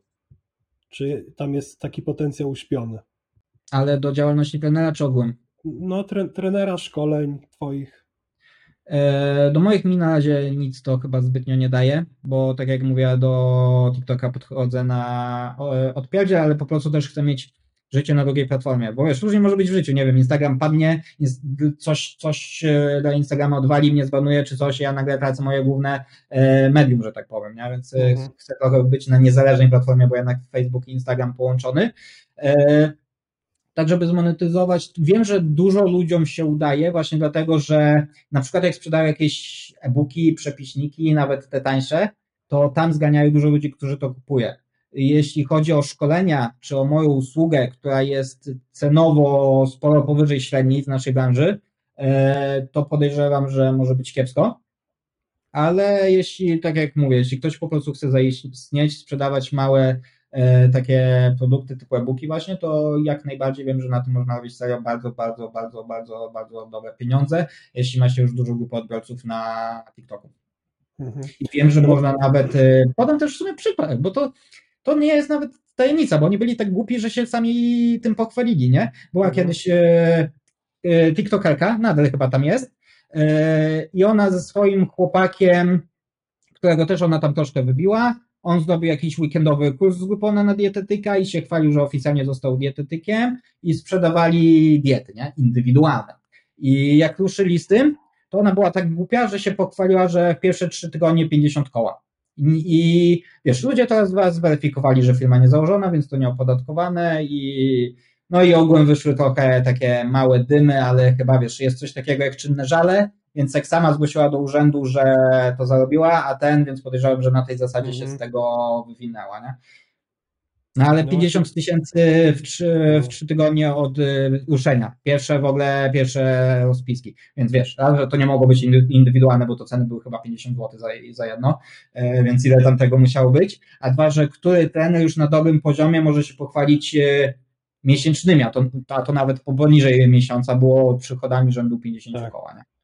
No właśnie, ja zawsze postrzegałem TikToka jako miejsce, y, w których siedzą osoby, nie wiem, ja to tak y, nazywam powiedzmy typowe grażyny, żeby nikogo oczywiście nie obrazić, ale to powiedzmy pani, która za bardzo dużo nie wie o diecie, o kształtowaniu sylwetki, ale jednocześnie chce coś ze sobą zrobić.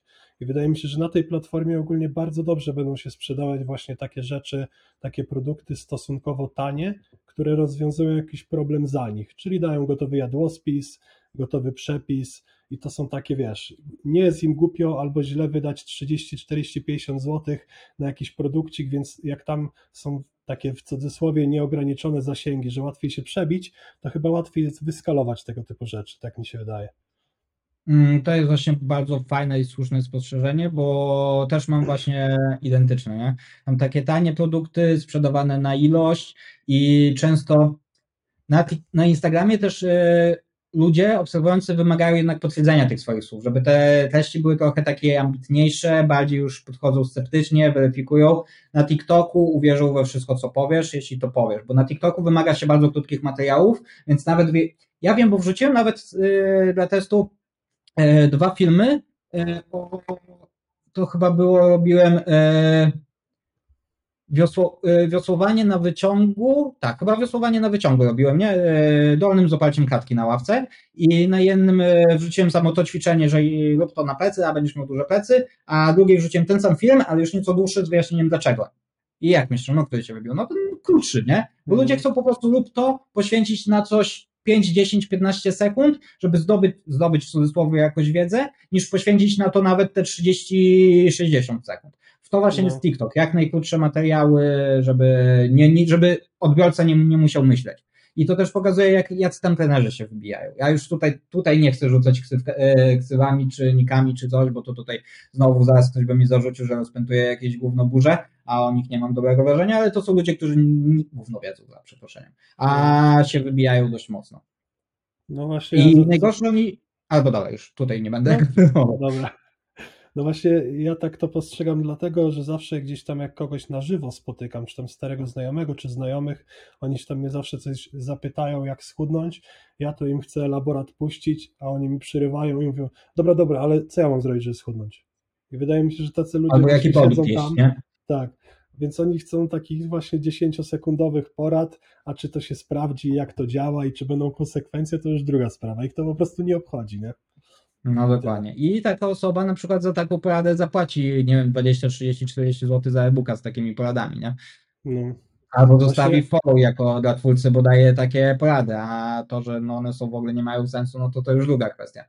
No, ja właśnie sobie trochę strzelam tym w kolano, ale tak trochę wewnętrznie jestem, czuję się taki, że to by było złe, jakbym takie rzeczy tam, e, tam robił. Zastanawiam się, czy kiedyś się do tego odblokuję, albo znajdę taką formę, żeby to miało zgodę ze mną i jednocześnie, wiesz, bo głupio mi jest po prostu w 10 sekund coś powiedzieć, bo to tak nie jest po prostu, nie można. Nie da No zresztą się nie da często. Zwłaszcza, że wiesz, jak to powiesz coś w 10 sekund, to, to można to zrozumieć dwojako, dlatego ty jako już ambitniejszy twórca chciałbyś od razu to rozwinąć, żeby tego ktoś nie, e, nie nadinterpretował czy coś, no a jednak się za, za bardzo nie da, nie? Albo wiesz, dasz jakąś poradę i ktoś i tak się przypierdzieli ty, ale jak ja mam y, zniszczoną tarczycę, to ja tego nie mogę. No i tak już musisz znowu dyskutować, żeby No. wszystkie wersje, y, wiesz, takie powiedzieć, to jest trochę bez sensu, no ale chyba takie jest trochę prawo tej platformy. Wydaje mi się, że trzeba w jakiś sposób taki zgodny ze sobą się e, dopasować. Ale w sumie patrz, że Instagram tutaj działa podobnie, jeśli chodzi o zasięgi. Ja nie mówię o konwersji, bo też musimy mieć e, e, ale do, dobra, to powiem najpierw jedno, że pod względem zasięgów Instagram też patrzy, jak się wybijają grafiki, gdzie odbiorca nie musi myśleć, typu e, zamień twaróg tłusty na twaróg chudy, kole na kole zero, nie? Takie grafiki pod względem zasięgami robią du- dużo, dużo, dużo więcej niż e, na przykład moje Instakaruzel na podstawie 10 prac naukowych. Więc y, to też trzeba mieć na uwadze, że to nie jest tak tylko, że TikTok, tylko że Instagram też, więc jak ktoś na TikToku się wbije z dobrymi treściami, tylko je ładnie opakuje, ładnie sprzeda, to się wybije. Tylko to trzeba właśnie porządnie zrobić, żeby mieć, znaleźć tą swoją niszę też na TikToku. Mhm. A jak w ogóle oceniasz tak długoterminowo? No bo patrz, jesteś takim powiedzmy dietetykiem, który mówi zamień zwykłe lejsy na lejsy z pieca i będzie lepiej, czyli dajesz takie trochę głupie treści, które są oczywiste, ale z mojej perspektywy długoterminowo to złe, zły buduje wizerunek na takiej, takiej osoby, bo mi się wydaje, że jeżeli jednak spędzisz parę lat na dawaniu takiego kontentu jakościowego, to się to ogromnie przełoży na twoje y, zarobki, bo jeżeli będziesz takim w cudzysłowie głupkiem dającym takie infografiki, to jesteś trochę skazany na to, że żeby utrzymać duże zarobki, musisz cały czas taką skalę powiększać i walić tego takiego syfu w internet, żeby tą jakość, jakość, tą wielkość swoich przychodów utrzymać. Mm, Ja ci teraz Damian odpowiem, tylko możemy na chwilę spauzować. Dobra, jestem. Dobra, jeszcze raz zadam Ci pytanie. Inaczej troszeczkę. Z- Tak z mojej perspektywy wydaje mi się, że bycie na TikToku albo ogólnie dawanie takich treści typu zamień zwykłe lejsy na lejsy z pieca, czyli takie totalne oczywistości, są powiedzmy łatwe dla konsumpcji, ale jeżeli długoterminowo budujesz swoją taką markę osobistą na takim jakościowym kontencie, że wiesz, że umiesz, że potrafisz, to długoterminowo zwiększysz lepiej swoje zarobki i łatwiej ci będzie je utrzymać, bo będąc takim, da- dając takie, taki shit content, jesteś zmuszony do produkcji ogromnej ilości i naprawdę starania się, żeby to się cały czas skalowało, żeby ten przychód utrzymać. Zgadzasz się? Eee, Zależy. Mm, Teoretycznie się zgadzam, ale tak jakby nie do końca. Też e, od razu ja zaznaczę też, żeby nie było, że uważam takie grafiki za totalny syf czy coś, bo uważam, że one są potrzebne, bo nie oszukujmy się, dla jakiejś typowej grażyny, która nie chce trzymać żadnej diety, że tak powiem, ćwiczyć czy coś, jakieś proste zmiany zrobić, to może być wręcz game changerem ta, ta, taka wiedza, że zamień e, kole na kole zero, czy właśnie No tak, lejsy na lejsy z pieca, nie? To uważam, że one są jak najbardziej potrzebne. Ale zgadzam się z Tobą, że one nie spowodują dla trenera dużych e, zarobków, chyba że znajdzie sposób na ich spieniężenie, bo jednak zasięgi robią, nie? Więc jakieś właśnie, nie wiem, jakieś e, małe e-booki, przepiśniki, jak trochę zacznie w, w tę tą stronę e, iść contentem, e, to jak najbardziej. Jednak jeśli ktoś celuje w bycie trenerem i no powiedzmy sobie szczerze, trochę lepszym niż takim za 100 zł miesięcznie, no to osobiście uważam, że takie grafiki bardziej będą szkodziły niż e, dawały korzyści. I mam tutaj przykład, tylko też nie chcę rzucać e, nikiem ani konkretnymi liczbami, ale m- mam znajomego, który miał z. Ogólnie jest program, nie wiem, czy pracujesz na Kalmarze, No wiem o co ja, ale nie pracuję na tym, ale wiem- o co. E, To tutaj dla słuchaczy odpowiem. Kalmar to jest taki program, na którym pracują dietetycy, trenerzy, jest też dietetyk pro albo tam jakieś inne do rozpisywania diet. Mhm. To większość osób w branży właśnie na takich pracuje. No i właśnie miałem znajomego, który z innym e, właśnie dietetykiem, czy tam trenerem, nawet w sumie nie jestem pewien, e, mieli na spółę ten program, więc e, wiem, że tak powiem, no nie z pierwszej, ale z drugiej ręki, bo przez tego znajomego, że ten y, drugi, mimo że pod względem zasięgów obserwujących i ogółem mnie zjadał, dosłownie mnie zjadał, to pod względem przychodów, to nawet powiedzenie, że ja go zjadam, to by było po prostu za mało. Więc on miał kilku klientów na krzyż, a stawki miał sporo mniejsze, nie? Więc e, on ba- bazował właśnie na takim kontencie, więc to trzeba wziąć pod uwagę. Ale z kolei, jakby on to spieniężył w inny sposób i swoje zasięgi spieniężył na przykład poprzez e, nawet już nie buka żadnego dietetycznego czy coś, tylko wypuszczenie jakiegoś, nie wiem, swojego produktu. Na przykład, o, fajny przykład, taki ten. E, kojarzysz profil Fit Recenzja? Tak, tak, tak. On rzuca spoko Mhm. grafiki. Tam parę razy coś próbował o żywieniu, ale mu to zupełnie nie szło, nie, nie, nie za bardzo się na tym zna. Ale ogólnie profil ma spoko i on uważam, że bardzo dobrze spieniężył swój target odbiorców, właśnie robiąc te e, galaretki, kisiele czy coś ten. I mu to idzie fajnie, nie? I to właśnie pokazuje, że nawet takie luźne grafiki, które nie przekazują żadnej wiedzy, bo jakby był trenerem, to podejrzewam, że rozchwytywany nie byłby. Na pewno by znalazł klientów, którzy by się do niego zgłosili, ale rozchwytywany by pewnie jakoś nie był, ale znalazł inny sposób na spieniężenie tego. Uważam, że bardzo fajny i no, życzę mu tutaj powodzenia, bo, bo fajnie, że w ogóle branża produktów sp- fit spożywczych, że tak to Mhm. powiem, się rozwija. Dla mnie to też jest bardzo spoko. I tutaj właśnie taki przykład, że można spieniężyć takie zasięgi takimi luźnymi grafikami w inny fajny sposób niż tylko bycie trenerem. Ale tak jak mówisz, jeśli ktoś celuje w bycie ambitniejszym trenerem, to takie grafiki mu bardziej szkodzą. Mhm. Dobra, Marek, to idąc dalej, powiedz, jak na Twoją pracę wpłynęła pandemia i rok 2020. Większość trenerów dostało w pierdziel, a jak Ty to odczuwasz? Odczułeś właściwie. Pierdzielem bym na pewno tego nie nazwał w moim przypadku. Jakbyś mnie zapytał, nie wiem, jest yy, lipiec, pewnie jakbyś zapytał mnie jeszcze pół roku temu, to bym powiedział, że wbrew pozorom wpłynęła na mnie bardzo fajnie, bo zmotywowała mnie do ruszenia ze szkoleniami. Wszystkie trzy szkolenia okazały się bardzo fajnie. Chyba nawet żadnego, nie, jedną negatywną opinię w prywatnej wiadomości dostałem, że komuś się nie spodobało, bo to są nagrania z webinarów więc one nie są w żaden sposób montowane, tylko po prostu wrzucone nagranie z webinarów, które odbyły się na żywo i jest na przykład, e, że jak teraz wysz, wyszedłem, ty, nie wiem, czy to usuniesz, czy nie, wyszedłem na minutkę, no, na siku zrobić, to e, na tych nagraniach to jest. W sensie nie, że kamera nie idzie za mną, nie, czy coś, tylko e, no jest taka minuta przerwy, ale to można sobie wtedy przewinąć na suwaku, Mhm. nie? I ktoś e, mu się to mocno właśnie nie spodobało, bardziej, bardziej cenił sobie to niż e, jak- jakość merytoryczną szkolenia.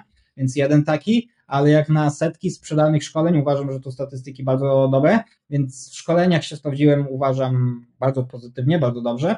E, przyniosły mi pieniądze też, uważam, że całkiem fajne, ale e, więc jakby nie pandemia, to bym z tym nie ruszył, więc pół roku temu bym ci powiedział, że fajnie, że to mnie zmotywowało do tego i że pandemia pod tym względem na mnie fajnie wpłynęła na moją firmę. Jednak e, teraz e, widzę, że to było za dużo, bo to spowodowało, że bardziej ucierpiało prowadzenie, że się nie skupiłem na docelowej i zacząłem być e, jak ci wcześniej mówiłem o zasadzie, że ktoś albo coś jest od wszystkiego, to jest do niczego, to ja za- zaczynałem być takim do, do wszystkiego. I szkolenia, i prowadzenie. Wcześniej jeszcze swój sklep z koszulkami jakiś czy coś, to w głowie się jakieś inne kolejne projekty tworzyły. E, Teraz skupiam się tylko i wyłącznie na e, prowadzeniu. E, I jeszcze nawet pandemia spowodowała to, że mocno stresu, dużo czasu mnie zajmowało, bo się mocno stresowałem tym, co się dzieje w Polsce, tym, co się dzieje e, na świecie. I ogółem z wszystkim, nie tylko pod względem pandemii, ale później jeszcze ta wojna, wszystkie strajki, to, co PiS odpierdziela, to, co e, w prawie podatkowym się dzieje, wszystko, więc to mi zabierało dużo czasu, i nie przynosiło korzyści, bo na to wpływu za, za dużego nie miałem, wiadomo, ewentualnie coś tam zapobiegać, więc jak na 2020 dałem sobie postanowienie, to moje przychody, nie chcę mówić o ile, ale podskoczyły bardzo dużo. Jak się, i, I nie dość, że przychody podskoczyły bardzo dużo, jak się skupiłem na swoim docelowym e, zadaniu, to i mam więcej czasu. Ja na przykład w 2020-2021 nie mogłem wygospodarować czasu, żeby sobie raz na tydzień, na dwa albo nawet na trzy wyjść z Magdą na przykład na kawę. A teraz e, oglądamy sobie wieczorem czasem film. E, Dzisiaj też idziemy coś razem zjeść. Dla mnie to jest mega nawet bardziej niż e, sama kwestia przychodów. A jak jeszcze większe przychody idą w parze, to też spoko, nie? Mhm. Więc dla mnie to jest spoko. Yy, I pandemia, tak jak mówię, wracając do pytania, pół roku temu bym Ci odpowiedział, że fajnie, bo ruszyłem ze szkoleniami. Trzy szkolenia wypuściłem, to znaczy dwa wypuściłem w 2020, yy, w 2021 na samym początku wypuściłem, dokończyłem opracowywać i na początku wypuściłem trzecie, Yy, ale teraz yy, myślę, jakbym miał to tak odebrać, że ona mi tylko bardziej namieszała i odciągnęła mnie od mojego głównego projektu, którym jest e, prowadzenie online. Ale też się dużo przez to nauczyłeś tak naprawdę, nie? Trochę ci, Mm, tak. trochę ci jakby wyklarowała twoją ścieżkę, że wiesz na czym się skupić. No, no, ja do wszystkiego tak podchodzę. Ja w swojej e, pracy zrobiłem zapewne bardzo dużo błędów, dużo rzeczy mógłbym zrobić dużo lepiej, a, e, ale niczego w sumie nie żałuję, bo nie zrobiłem nic tak e, mocno idiotycznego, żebym miał tego żałować, że mi zrujnowało życie czy coś, ale z każdego wyciągam lekcje. Tak jak właśnie, o, w sumie do, dobry przykład ta pandemia, że na początku myślałem, że to wpłynęło na mnie mega, a teraz widzę, że w sumie nie, bo to było za dużo na jedną osobę. Mhm. Jednak nie oszukujmy się, oboje prowadzimy jednoosobową działalność gospodarczą, jesteśmy, działamy w pojedynkę, więc no nie nie musimy zdać sobie sprawę, że mamy określoną moc przerobową. No dobra, a powiedz mi, bo tak, teraz masz żonę. Wcześniej miałeś, była oczywiście narzeczoną, czyli gdzieś tam w twojej ambitnej karierze trenerskiej kobieta była przy tobie. I teraz jak ogląda nas inny trener czy dietetyk, który jest równie ambitny jak ja czy ty, to jaką masz dla niego poradę, żeby właśnie to takie życie prywatne połączyć z tym takim grindingiem coraz wyżej w górę, żeby tego po prostu nie zepsuć, bo ja nie ukrywam, że u mnie też było tak, że tak się skupiałem na pracy, że praktycznie z domu nie wychodziłem, a jednak teraz widzę, że lepiej gdzieś tam skończyć tą pracę o 18 czy o 20, pójść sobie do Oli, obejrzeć film, pójść na kawę czy do restauracji i daje mi to o wiele więcej przyjemności niż kilkaset złotych więcej na koncie. E, Przede wszystkim nie popadać się w skrajności i nie mieć cele, to jak najbardziej, ale e, nie podążać do nich za, za wszelką cenę. Może to teraz brzmi tak coachingowo, ale mnie właśnie ten 2022 teraz po tej pandemii tego nauczył, że wrzucając na luz czymś u Marka Fischera, znowu rzucę nazwiskiem, e, spotkałem się z taką tezą, którą ja bardzo się zgadzam i jeszcze zanim się spotkałem, to też zdawałem już sobie z niej sprawę, ale on to fajnie ubrał w słowa. E, Słowo słowo nie zacytuję, coś tam, ale coś tam sztuką jest nie dodawać więcej, a uciąć to, co zbędne. I właśnie on to tak fajnie ubrał e, w słowa, coś, co ja już e, w tym 2022 właśnie w obecnym roku mocno zrozumiałym, ale on to, no, trzeci raz mówię, mówię fajnie w słowa, więc tą zasadą bym się też właśnie kierował, że ucinać to, co zbędne, ucinać to, co tak naprawdę nie chcemy tego robić, albo to, co daje nam za mało korzyści, a jednocześnie nie daje nam e, satysfakcji, bo nie wszystko musi dawać korzyści pod względem e, zarobkowym czy coś, ale to, co nam sprawia frajdę, przyjemność czy w życiu prywatnym, czy w prowadzeniu działalności też jest bardzo moim zdaniem ważne, nie? bo wtedy też jak prowadzisz działalność robiąc coś z serca, to też to lepiej wychodzi, a jak lepiej wychodzi, to finalnie daje więcej korzyści materialnych. Mhm. Dobrze, mam do Ciebie ostatnie e, tak naprawdę pytanie, na które troszkę wcześniej odpowiedziałeś, bo sam powiedziałeś o e, szkoleniach, a ja chciałem Ci zadać pytanie, czy my jako Twoi obserwujący możemy e, czegoś się od Ciebie spodziewać, czy czegoś planujesz, bo chciałem zadać to pytanie w kontekście tego, czy może szykuje jakieś, jakieś fajne szkolenie, ale może jest coś innego, teraz jak już na to odpowiedziałeś. Znaczy ja mam tak, że mi w głowie co chwila się tworzy now- nowy jakiś projekt, który można ruszyć i nawet dzisiaj biorąc prysznic spadłem na nowy, nie? Więc tylko mam tak, że mam to w pomysł i wiem, że on by był fajny, żeby on wypalił, ale nie mam czasu się za niego wziąć, więc podejrzewam, że ten też tak samo się skończy. Od trzech tygodni jeszcze mi chodzi inny w głowie o taki zupełnie inny format e, szkoleń, że tak powiem.